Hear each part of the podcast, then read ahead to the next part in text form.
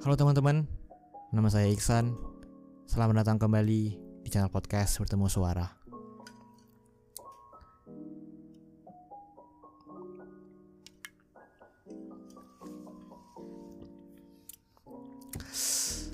Gimana kabar teman-teman? Ah, sehat-sehat selalu mungkin ya. Jaga jaga kesehatan. Jangan lupa buat minum air putih yang banyak. Terus patuhi protokol kesehatan, pakai masker. Terus jangan lupa buat cuci tangan, oke? Okay?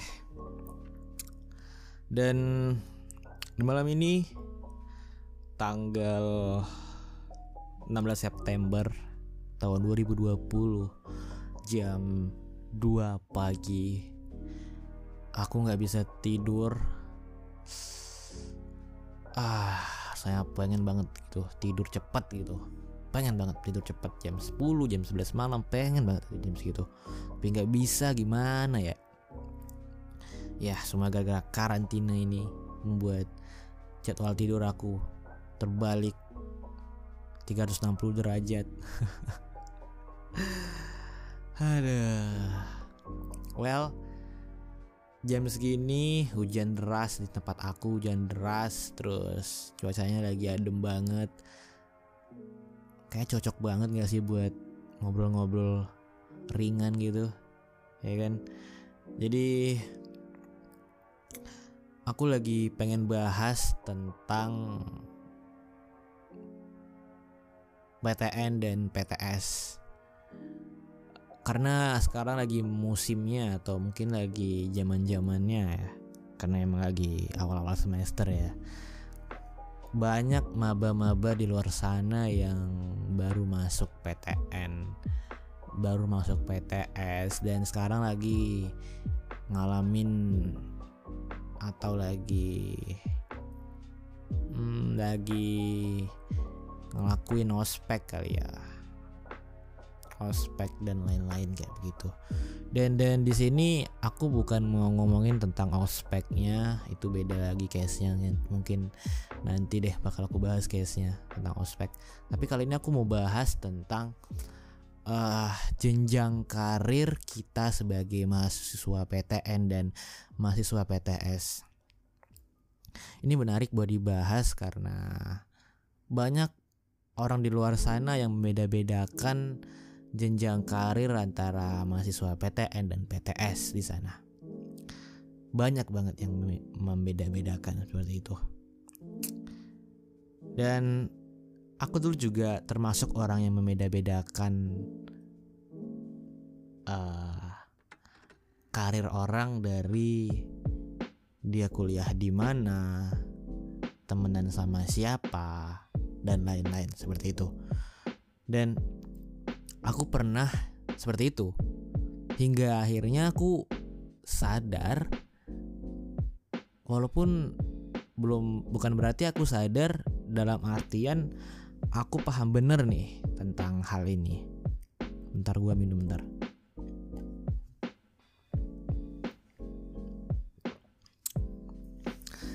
Memang benar uh, mahasiswa PTN itu uh, kayak lebih gampang dapat pekerjaan daripada mahasiswa PTS karena kayak nggak bisa dipungkiri deh. Rata-rata PTN-PTN itu punya karir center ya nggak sih? Karir center yang mumpuni dan dapat menghubungkan mahasiswanya dengan perusahaan-perusahaan gitu. Kayak misalnya nih ya career center tersohor di Indonesia itu siapa sih? ISIS UGM, USIS Undip, Biro Karir ITB, CDC UI, ya, ya nggak sih?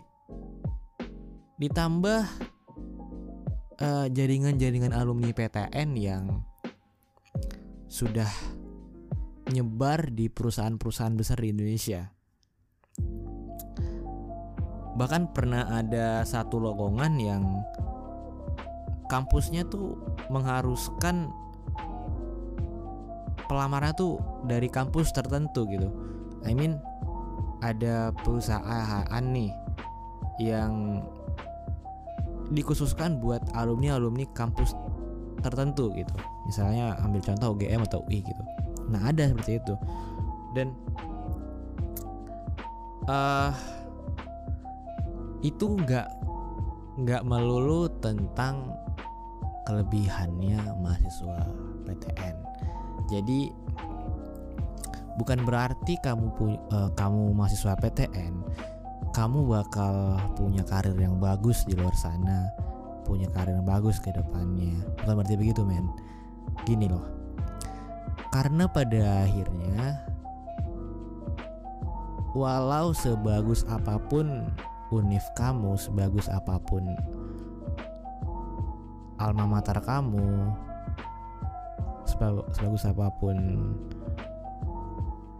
uh, ya kayak aku bilang tadi ya itu nggak menentukan karir kamu. Kalau misalnya kamu di kampus itu cuma males-malesan jarang kerjain tugas sering bolos. Ya apa gunanya anda kuliah di PTN ternama tapi diri anda tidak di upgrade gitu?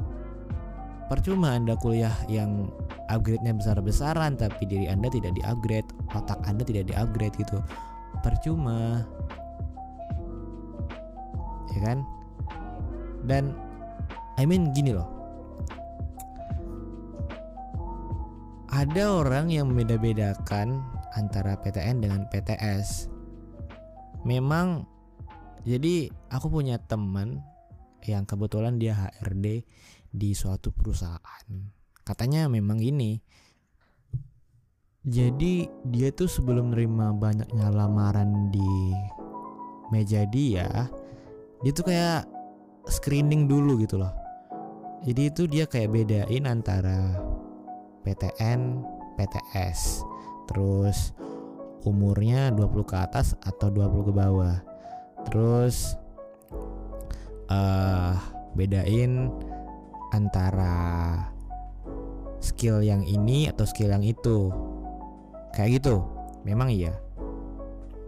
Tapi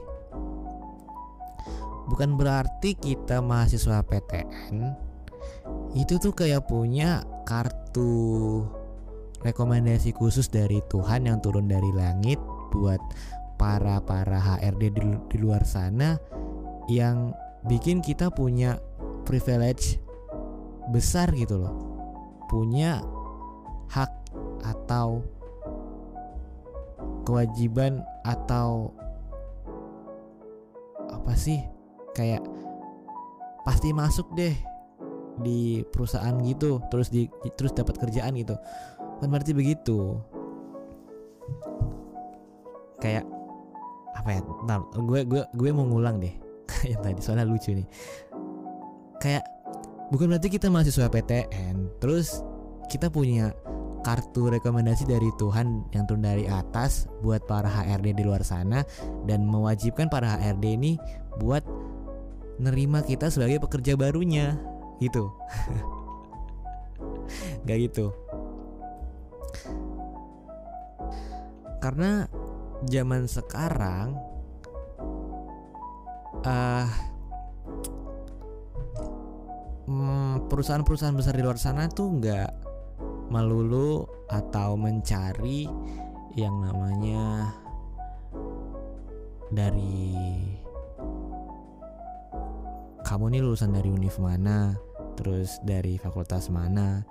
dan lain-lain nggak gitu jadi perusahaan sekarang itu kayak lebih milih atau lebih mintingin yang pertama soft skill kamu attitude kamu dan kamu tuh telat telaten atau enggak gitu.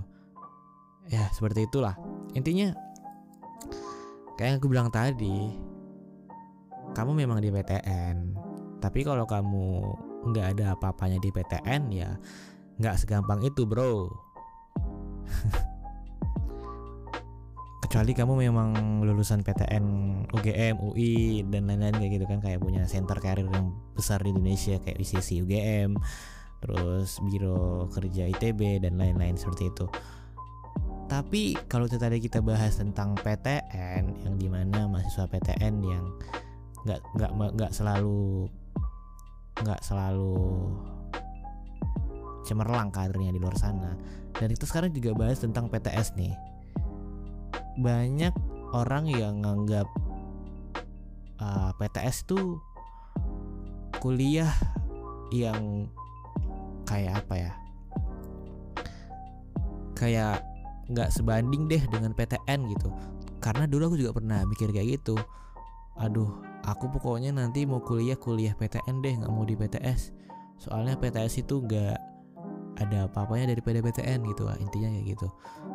Tapi sekarang banyak PTS yang bisa dibilang menghasilkan mahasiswa-mahasiswa yang bagus gitu. Kita ambil contoh kayak Universitas Telkom terus Universitas Parahayangan Binus Gunadarma dan lain-lain lah kayak begitu yang di mana intinya mahasiswa PTS itu nggak kalah saing sama mahasiswa PTN gitu. Kita memang bukan kita memang nggak kuliah di PTN tapi kita punya skill yang bisa diadu deh sama PTN gitu. Kayak memang kita punya karir yang besar nih karir yang cemerlang tapi kita beda jalur aja gitu.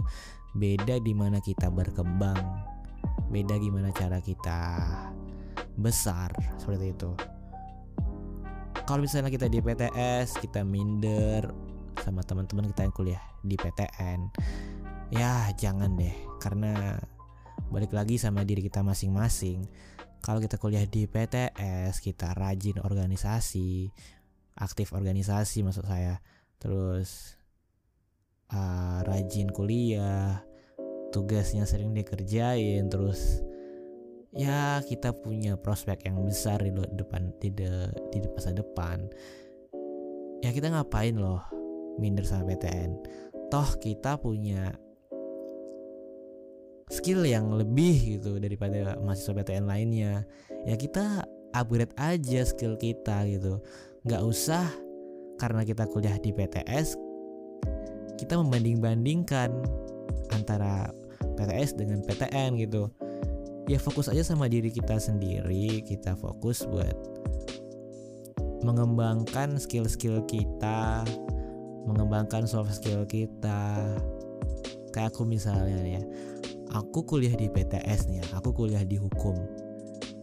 Tapi bukan berarti aku kuliah hukum, aku punya prospek ke depannya untuk jadi lawyer, notaris, jaksa. Aku nggak mikir kayak gitu. aku kuliah hukum ya karena memang suka aja gitu. Aku suka sama vibesnya di hukum sih karena aku mikir aku tuh orangnya suka banget yang namanya uh, berargumen terus berargumen terus uh, saling lempar opini saling lempar uh, pertanyaan gitu dan karena itu aku suka dan aku masuk di Fakultas Hukum di Universitas swasta di Batam. Aku mahasiswa Universitas Batam semester 3 dan sekarang aku punya ya bisa dibilang aku punya sedikit soft skill deh dan sekarang aku lagi ngasah soft skill aku buat karir aku di masa depan gitu. Aku juga pernah baca di Instagram gitu entah di explore mungkin.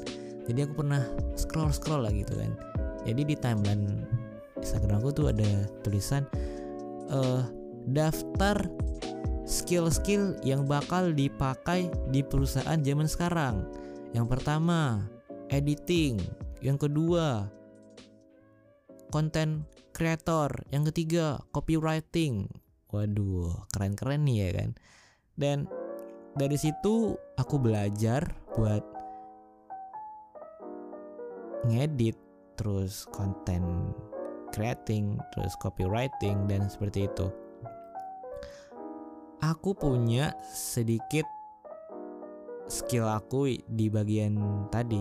Maksud aku ya aku punya soft skill deh antara tiga tadi tuh kayak misalnya aku punya skill yang bisa dibilang lumayan bagi aku yaitu content writing. Nah, aku aduh anjir sorry sorry mau jatuh mic-nya. Oke, jadi aku punya soft skill yang namanya content writing, eh content writing, copywriting gitu. Yang di mana itu butuh ba dibutuhkan banget sama perusahaan-perusahaan zaman sekarang. Kan zaman sekarang kan digital ya.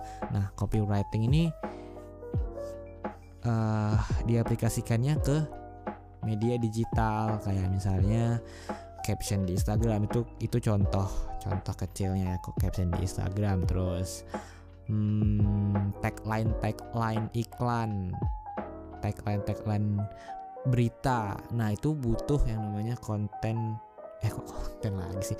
Butuh namanya copywriting gitu. Nah balik lagi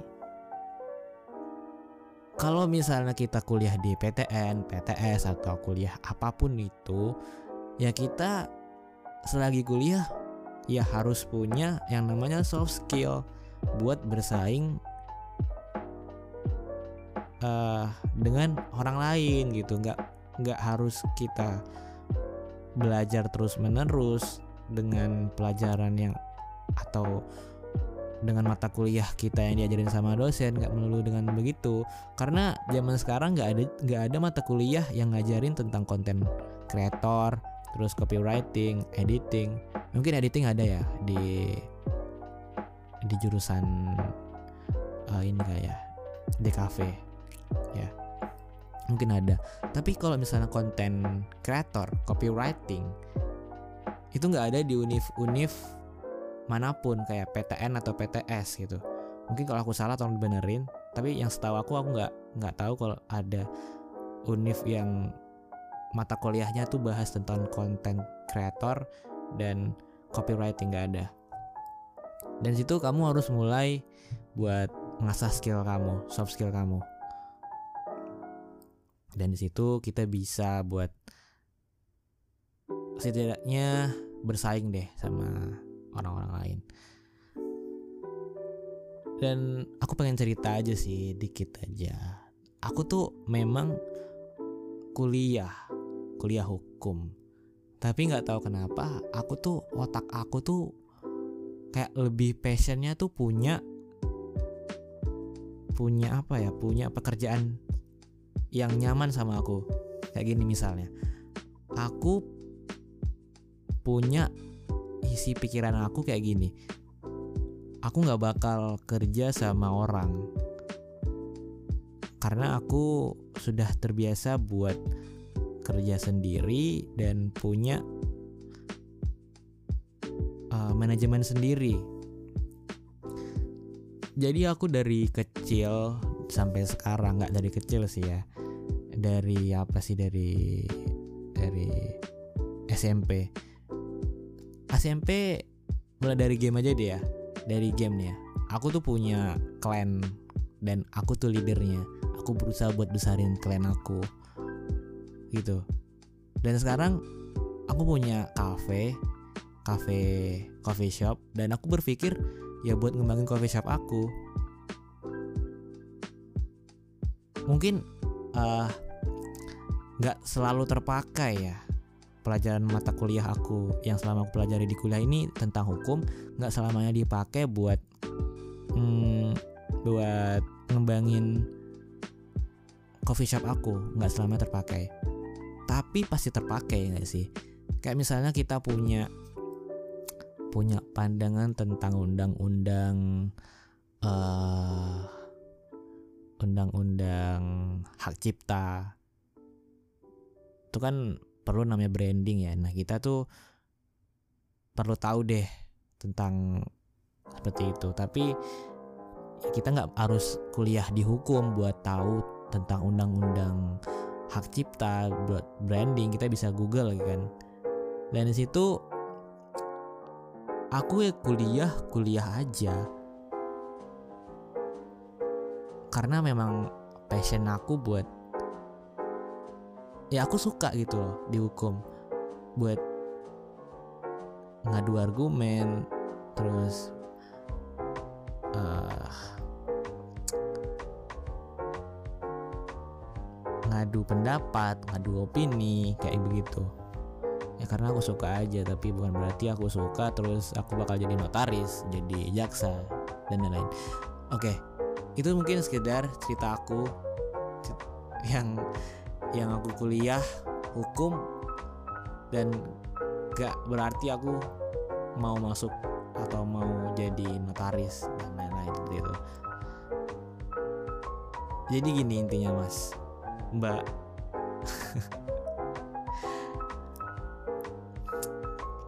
Nggak bisa kita pungkiri dan nggak bisa kita bilang enggak buat 5 PTN yang punya care center terbesar di Indonesia. Memang mahasiswa PTN itu punya uh, punya lebih kemudahan buat kerja. Tapi kalau misalnya nih ya balik dari masing-masing aja gitu ya kalau misalnya kamu di PTN tapi malas-malesan ya apa gunanya terus kamu di PTS tapi kamu rajin ya nggak apa-apa. Kamu bakal bisa bersaing gitu. Tapi kalau udah kamu udah mahasiswa PTS terus masuk karena kamu nggak lulus di PTN terus males-malesan kul terus kuliah pakai uang orang tua ya bukan berarti kamu kuliah dengan orang duit, duit duit orang tua kamu sebagai orang yang brengsek atau apa gitu ya. Kamu baik-baik aja gitu. Tapi ah ya janganlah kamu membebankan orang tua dengan mengeluarkan orang duit orang tua tapi kamu malas-malasan aja gitu. Aduh kok ngomongnya malah melebar ya. Ya intinya tadi lah. Mahasiswa PTN nggak nggak selalu gampang buat masuk pekerjaan dapat dapat pekerjaan dan mahasiswa PTS nggak selalu susah dapat pekerjaan oke gitu deh intinya. Well jadi buat gitu aja buat malam ini ya. Aduh berapa menit sih? Wah 22 menit. Anjir banyak banget dah gue ngomong. Oke sekian buat malam ini episode malam ini. Terima kasih sudah mendengarkan sampai habis. Sudah mendengarkan mendengarkan unek-unek aku, ya kan? Dan itu aja. Dan buat teman-teman yang dengerin aku di Apple Podcast aku minta tolong buat kasih review dan starnya. Hede. Terserah. Terserah berapa bintangnya. Yang penting aku butuh review dari kalian. Kata-kata mutiara kalian yang menjelaskan apa kurangnya channel podcast aku dan apa lebihnya channel podcast aku. Dan buat teman-teman yang dengerin aku di Spotify, terima kasih yang udah share ke Instagram story-nya dan udah nge-tag Instagram aku di Instagram story kalian. Terima kasih. aku merasa terharu karena sudah di-tag dengan Instagram kalian, WD. Terima kasih ya. Well, itu aja saya Iksan, saya dari channel podcast Bertemu Suara mengucapkan selamat malam dan sampai jumpa lagi di suara berikutnya. Kayak di episode berikutnya kita bakal undang narasumber ya. Oke. Bye bye.